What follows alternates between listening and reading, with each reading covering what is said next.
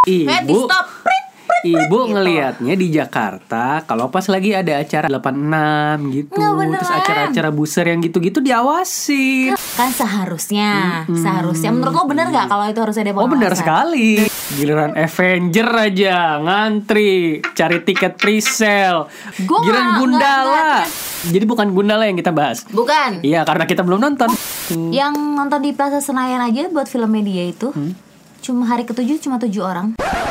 Halo kakak. Selamat siang kakak. Selamat pagi kakak. Selamat malam. Pada. Silakan kak dilihat-lihat dulu aja. Hai, apaan sih ini?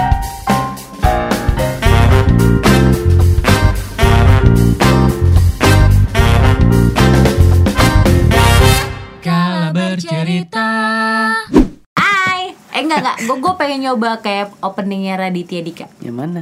Halo semuanya.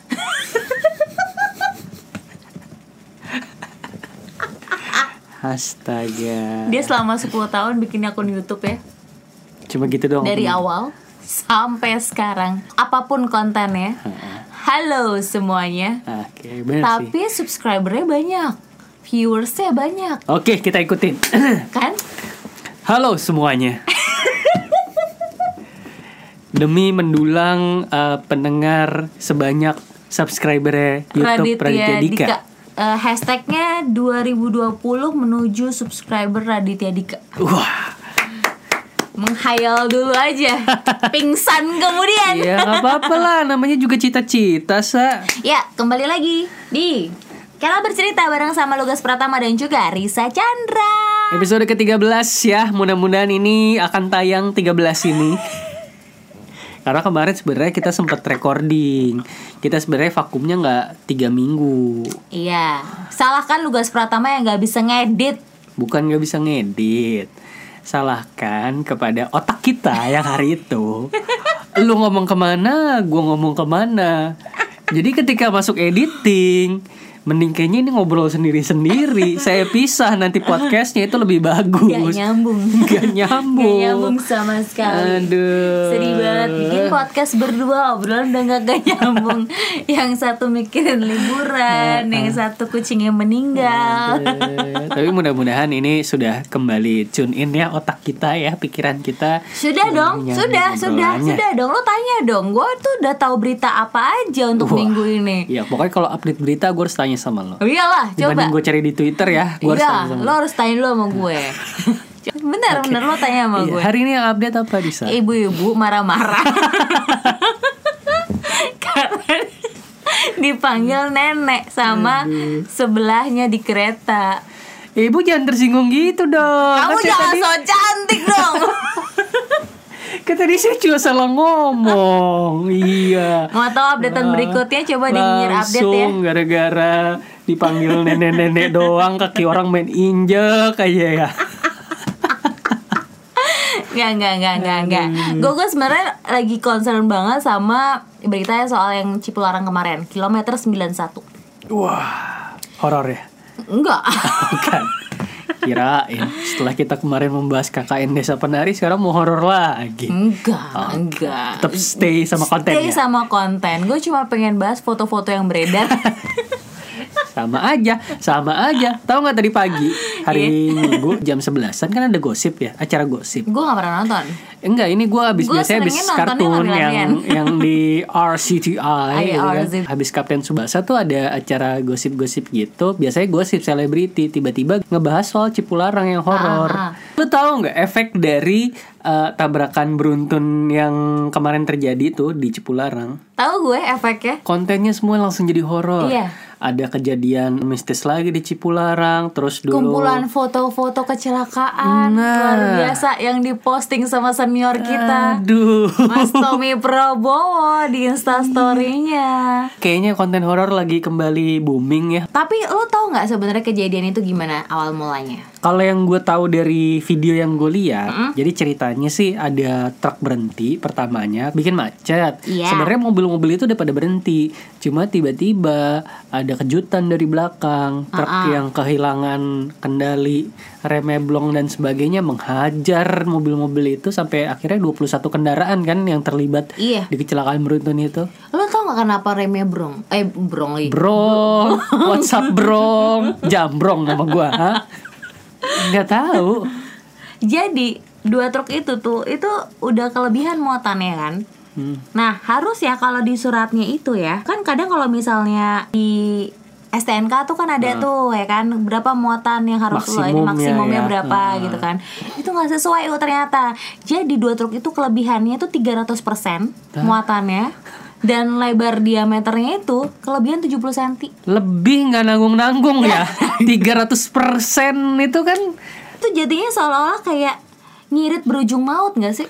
Kasihan sih untung-untungnya sih ya maksudnya yang videoin selamat ya. Tapi gue ya terus berduga juga untuk korban-korban yang lainnya. Semoga ini Iya. tidak terjadi ya dan jadi pelajaran lagi. Jangan sampai musiman aja nih yang nidaknya. Padahal kejadian sebelumnya yang di Tangerang yang truk tanah. Itu sebelumnya kan juga kejadian di Iya. Tangerang dulu kan baru yang Cipularang kan? ketimpa. Coba bayangin berarti truk lu itu udah nggak mumpuni buat mengangkut Iya. barang udah nggak harus di apa ya? Polisi kita tahu lah pasti bahwa truk ini kelebihan muatan ini enggak ini ini sesuai dengan peraturan. Itu pasti tahu lah. Kok bisa sampai lolos loh? Pertanyaannya siapa yang mau ngawasin? Ih di Jakarta banyak. Gua kalau mau ke masuk tol gue Ibu. eh, di stop Ibu gitu. ngelihatnya di Jakarta kalau pas lagi ada acara 86 gitu Nggak terus acara-acara buser yang gitu-gitu diawasin Kalau malam Hmm, Suka diawasin enggak. minggir-minggir Eh, gitu. ibu lewat mana?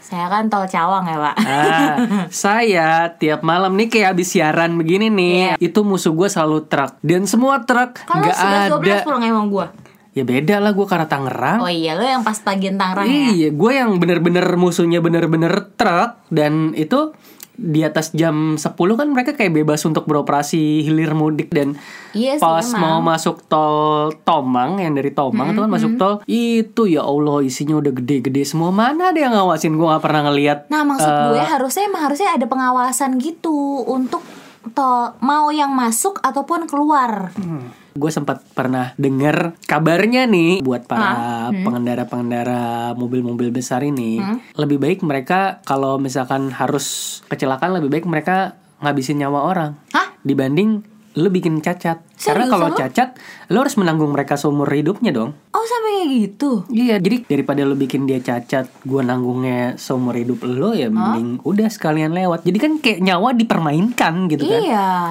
Kok jadi kayak gak ada harganya ya Ya, itulah.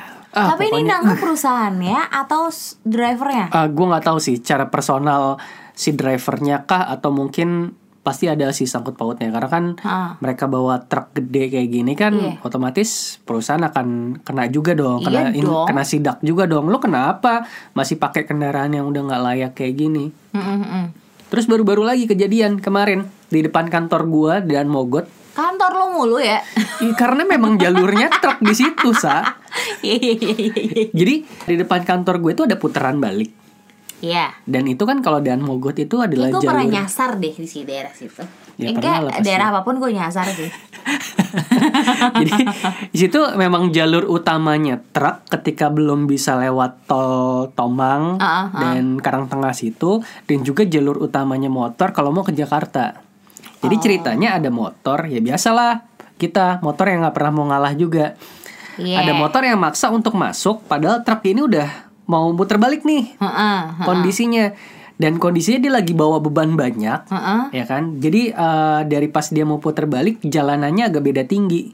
Oh. Jadi dia muter. Dia mundur jadinya. dia muter patah kayak udah Iya, miring. ah, Nah pengendara motor yang tadi sampingnya itu udah refleks kayak ngangkat tangan ke atas. Gue bilang buat apa lo ngangkat tangan ke atas kalau lu jatuh, lu hook bisa nahan itu. Ah, nahan nggak bisa terus Nggak akhirnya bisa. untung supirnya cepat tindak gitu, Ah, cepat ah, ah. cepat banting banting setir balik akhirnya stabil lagi beratnya. Bayangkan ngeri Wow, gak lu? gila sih. Berarti sebenarnya kan ini bukan nyalain satu pihak doang ya. Setiap orang menurut gue juga harus berhati-hati sama Iya. nyawanya sendiri. Harus sekarang tuh kayak ibarat kata pepatah Jawa ya alon-alon asal kelakon. Benar. Alon-alon asal kelakon. Ini gue berasa kayak Jawa KW ya. Cici ya. Cici. Tapi eh, meskipun kitanya juga terkadang kita udah apa ya? udah Hati-hati, orang lain gak tentu hati-hati. Dan gue sekarang kalau udah musuhnya truk, gue lebih baik jaga jarak jauh. Gue nggak berani mepet, gue nggak berani gimana pun mau itu truk truk ngangkut semen lah, Iya, ngangkut bener. pasir lah, ngangkut sapi lah, ngangkut apa, ayam gue bilang, gue lebih pilih mundur dikit Ah. atau enggak gue pindah jalur sebisa baru mungkin. ngelakuin itu sekarang Dari dulu. Gue udah dari dulu Dari dulu Sebenarnya mobil gue lebih kecil ya kecilan gua lah. Saya kan mobilnya Mr. Bean. Secara apa material pembuatan mereka besi. Iya Sementara kita kan kaleng minuman keras ya. kaleng, kaleng minuman bersoda Iya, kan. ada Iya. tok tok tok Iya. gitu bunyinya Ya, bukan dok penyok. dok dok Iya gitu. kan? tapi tok tok tok. Oh iya, nah, gue kan pendek tapi lebih panjang. iya. Dan itu parah banget. Gua sampai aduh, apalagi sih lu naik motor sekarang nggak aman juga, lu naik mobil lebih nggak aman lagi. Lo jalan kaki juga nggak aman. Maksudnya apa pun lah, apa pun bisa terjadi. Anything could happen gitu. Cuma ya balik lagi ya. Kalau ng- ngelihat dari kejadian yang kilometer 91 Hmm. kemarin, emang harus ada pengawasan lebih lanjut sih buat daerah-daerah tertentu. Iya. Menurut gue karena karena apa? Karena itu ini kan bukan cuma nyawa orang ya, tapi kan ya kita harus turut sama peraturan gitu loh. Ya ada ada rules kayak bahwa lo nggak boleh bawa beban yang berlebih, ada Ya. kapasitasnya masing-masing. Karena apa? Ada peraturan itu supaya lo juga nggak membahayakan pihak lain. Tapi di Indo ini kan peraturan dibuat untuk dilanggar. Aduh. Dan yang baru lagi kejadiannya di Bintaro itu kan. Iya. Jadi itu ah, kasihan banget sih. Tabrakan beruntun lagi, untungnya nggak ada korban jiwa. Mm-mm, mm-mm. Dari mobil BM apa Mercy ya yang ditabrak paling belakang sama itu truk. Sampai akhirnya Agia atau Ayla yang nungging, terus Oh nabrak iya gue apa? lihat. terus gua yang paling lihat. depan tuh nabrak Iya, Innova iya, kalau nggak iya, salah. Iya gue lihat yang pengen gitu. Itu juga gara-gara truk. Nah, kan itu gara-gara truk jadi emang harus ada pengawasan ekstra kayaknya mulai dari sekarang. Kan udah kejadian berkali-kali nih. Harusnya jadi pembelajaran dong ya. Sama halnya pembelajaran tentang perfilman Indonesia. Perfilman belajar film gitu maksudnya. Bukan, bukan maksud gue kayak gitu. Kalau Iya, kemarin kan ada rame tuh ya kan lagi trending Gundala, topik. Gundala, sejuta penonton. Rame loh. Iya tapi beneran. Emang gue udah oh udah. Uh belum Maaf ya Mas Joko, saya belum ada waktu Mas Joko. Saya juga om Ya, karena saya yakin film Anda akan lama di bioskop. Oh, jadi iya ya udahlah ya, saya santai-santai aja. Giliran Avenger aja Ngantri Cari tiket presale Begadang Subuh-subuh dilakonin lu nonton Dua kali tiga kali ke bioskop Gue Giliran Gundala Tiket presale gue. Presale ding. Nggak mungkin seorang Risa Chandra Nggak tiket presale Grand film dalam negeri superhero no, no, eh, tunggu dulu. Berbarengan dengan kematian kucing gue. Ah, Jauh jaraknya Hei gue masih dalam masa berduka. Cari alasan aja Gue masih dalam masa berduka. Lama ya gue lama banget. Jadi jadi kenapa nih soal perfilman? Jadi bukan Gundala yang kita bahas. Bukan. Iya, karena kita belum nonton. Bukan. kita bahas yang lain jadinya soal perfilman. Iya. Kemarin sempat trending topik di YouTube. Iya. Ada eh, sutradara namanya Livi Cheng ya. Livi Cheng. Iya, betul. Ya itu dia. Kayaknya bapak lebih tahu nih dari muka bapak lebih lebih paham gitu tentang seluk beluk cerita ini. Saya tuh kan mukanya kosong banget ya. jadi jadi gini, ada uh, sutradara yang go international. Wow, Iya banyak kan? sekali yang go international Ya, yang go sekarang. international dan ternyata setelah dirunut semua apa pun yang dia ucapkan apa pun yang dia publikasikan di media-media Indonesia setelah dicek ternyata harusnya kita bisa cek dulu. Makanya kita tuh terlalu silau sama hal-hal yang kalau udah Hollywood. bawa-bawa Hollywood dan juga bawa-bawa go internasional. Padahal Wow, kenapa tiba-tiba AC-nya nyala? Agak penyalain ya Habis ngomongin yang horor-horor, tiba-tiba nyala sendiri. lu sih teriak-teriak Abah, gue turunin Abah. Enggak, enggak. Jadi ya dari sutradara ini kan dia sempat menyebutkan dirinya lolos seleksi nominasi Oscar. Itu berat loh. Lolos Iya nominasi Oscar. Wah itu hal yang membanggakan. Wah, betul Wah. banget. Apalagi secara penghargaan tertinggi untuk insan perfilman di dunia. Iya di dunia Oscar. cuy. Dan ada bawa nama Indonesia kan Bawa membanggakan. nama Indonesia otomatis orang kita akan mendukung Wah gila gila, hebat hebat saudara sekali. ini Tapi padahal filmnya tidak sehebat itu Kalau lu udah nonton filmnya?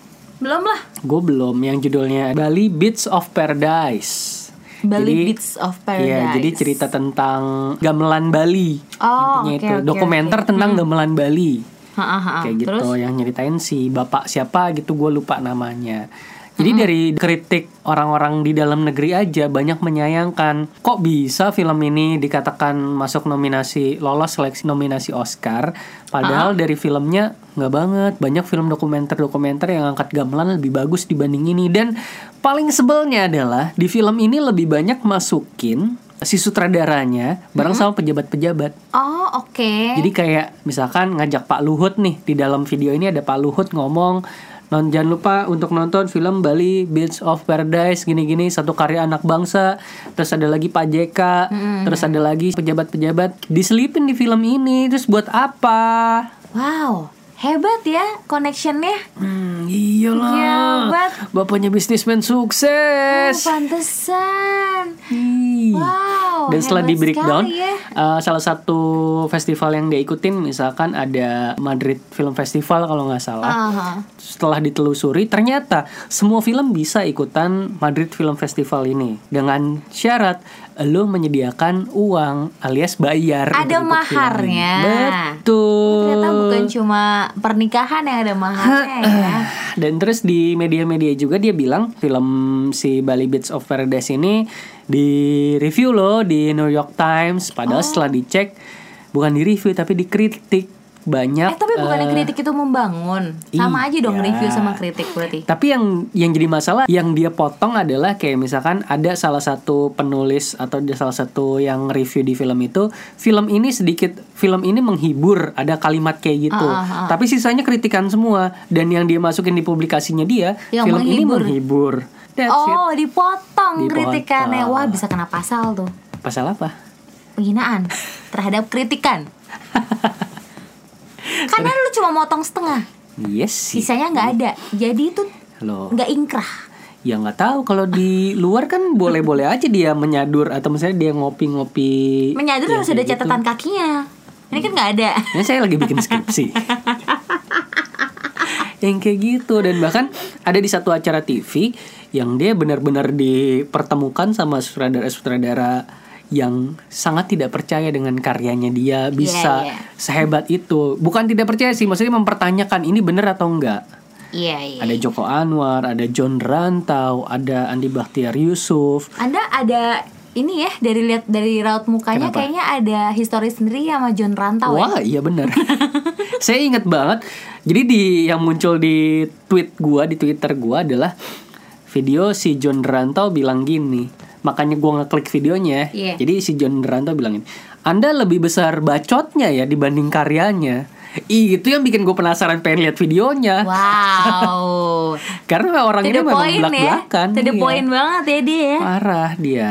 Ini gue juga ngeliat nih yang film Bali Beats of Paradise Mm-hmm. di Mm-mm. IMDb. Dia ratingnya cuma 2,2 dari 191 voters. Oh, yang bener kan cuma segitu ratingnya. Iya, ya? cuma segitu rate-nya. Terus ya kalau di yang kemarin jadi Gundala naik, film media turun. Iyalah apalagi ada kasus ini. Jadi pas di Berarti acara kan- TV itu Ya bisa dalam tanda petik nggak Ah. laku lah ya. iyalah. Jadi sutradara ini mempertanyakan, "Ah, kok film lo bisa ya kalau misalkan emang bisa masuk Oscar, ya pasti akan didukung dong." Tapi masalahnya Iya. kayak lu di Indonesia nggak aja nggak kedengeran masuk FFI Iya aja sih, enggak sih, gua juga nggak apa denger sih. enggak terus tiba-tiba gue cuma tahu oh lu sutradara yang filmnya katanya lolos nominasi seleksi Oscar terus katanya Joko Anwar juga bilangnya "Eh, itu tuh bukan lolos gak ada istilahnya lolos seleksi nominasi yang ada lolos seleksi administrasi Oh, oh ya beda sih. Iya. Kalau seleksi administrasi sama apa tadi? Ya lolos seleksi Selek- administrasi Si sama, lolos, seleksi, nominasi, Oscar. Itu tuh beda sih. Iya dia cuma memainkan kata aja sih dan kalau lagi-lagi diambil-ambil kata Oscar ya luar biasa impactnya Iya kayak sih. gitu. Yang nonton di Plaza Senayan aja buat film media itu Hmm? cuma hari ketujuh cuma tujuh orang. Jadi Padahal udah bawa-bawa pejabat loh. ya kayaknya dia mungkin salah ini kali karena dia kan mungkin lebih ke India. Jadi lo kayak bukan XX1 yang lo tuju, bukan CGV yang lo tuju, tapi lo harus kayak Iya sih. uh, festival apa lo pameran kan suka ada tuh di ke- kedubes-dubes gue kadang suka nonton Ya tapi ternyata dia punya cara sendiri, dia punya cara publikasinya sendiri mengandalkan oh ini yang lucunya juga gini. Ada yang bilang PH yang produseri filmnya dia ini adalah punya nyokapnya. hah tunggu deh berarti dia tajir banget dong Tajir. tajir banget Tajir banget. Jadi ada salah satu portal berita online yang bilang dia sempat menginterview salah satu kru filmnya yang akhirnya udah keluar gitu keluar aja dari- karena dari proyekannya ini udah ini, karena udah kelar. Jadi si salah satu krunya ini bilang kita semua bingung ketika kerja sama sutradara ini Ah. karena dia kayak anak baru yang nggak tahu sebenarnya mau ngapain oh kayak gitu dan oke. ya akhirnya kita betah-betahin aja karena para kru cuma ngincer duitnya doang. Eh, iya kan Kerja di mereka sini cuma ngincer duitnya project ya doang. udah lah Iya. kerjaan aja dan terus dia selalu membangga-banggakan alma maternya dia sekolah filmnya dia nggak tahu gue pokoknya uh, studi pasti. ya luar negeri yang berhubungan dengan film juga dan terus dia selalu mengatakan ini gue lulusannya ini loh di situ juga pernah ada George Lucas yang bikin Star Wars terus Hmm. sutradara terkenal terakhir di interview itu dia juga bilang kalau filmnya diputar di Disney. Oke. Jadi konsultannya Disney Iya. ditanya sama Joko Anwar itu diputar di Disney maksudnya gimana ya? Diputar secara gede dalam satu acara? Enggak sih diputar dalam satu ruangan. Iya yaitu screening biasa. Ya bener lu nggak salah. Cuma screening aja di di dalam ruangan untuk orang-orang tertentu yang diputar udah. Ya dia bener film gue diputar di Disney loh. I- iya tapi kan screening sama tayang tuh beda. Iya tapi dia orang perfilman kan? Ya masa nggak tahu bedanya screening sama tayang? Tapi ini bisa jadi salah satu cara juga loh sa. Dari Livi Zeng ini kita bisa belajar. Belajar apaan? Belajar untuk mempopulerkan podcast kita. gimana caranya? Jadi kita akan tulis embel-embel podcast lolos nominasi Oscar. Go internasional kalau bercerita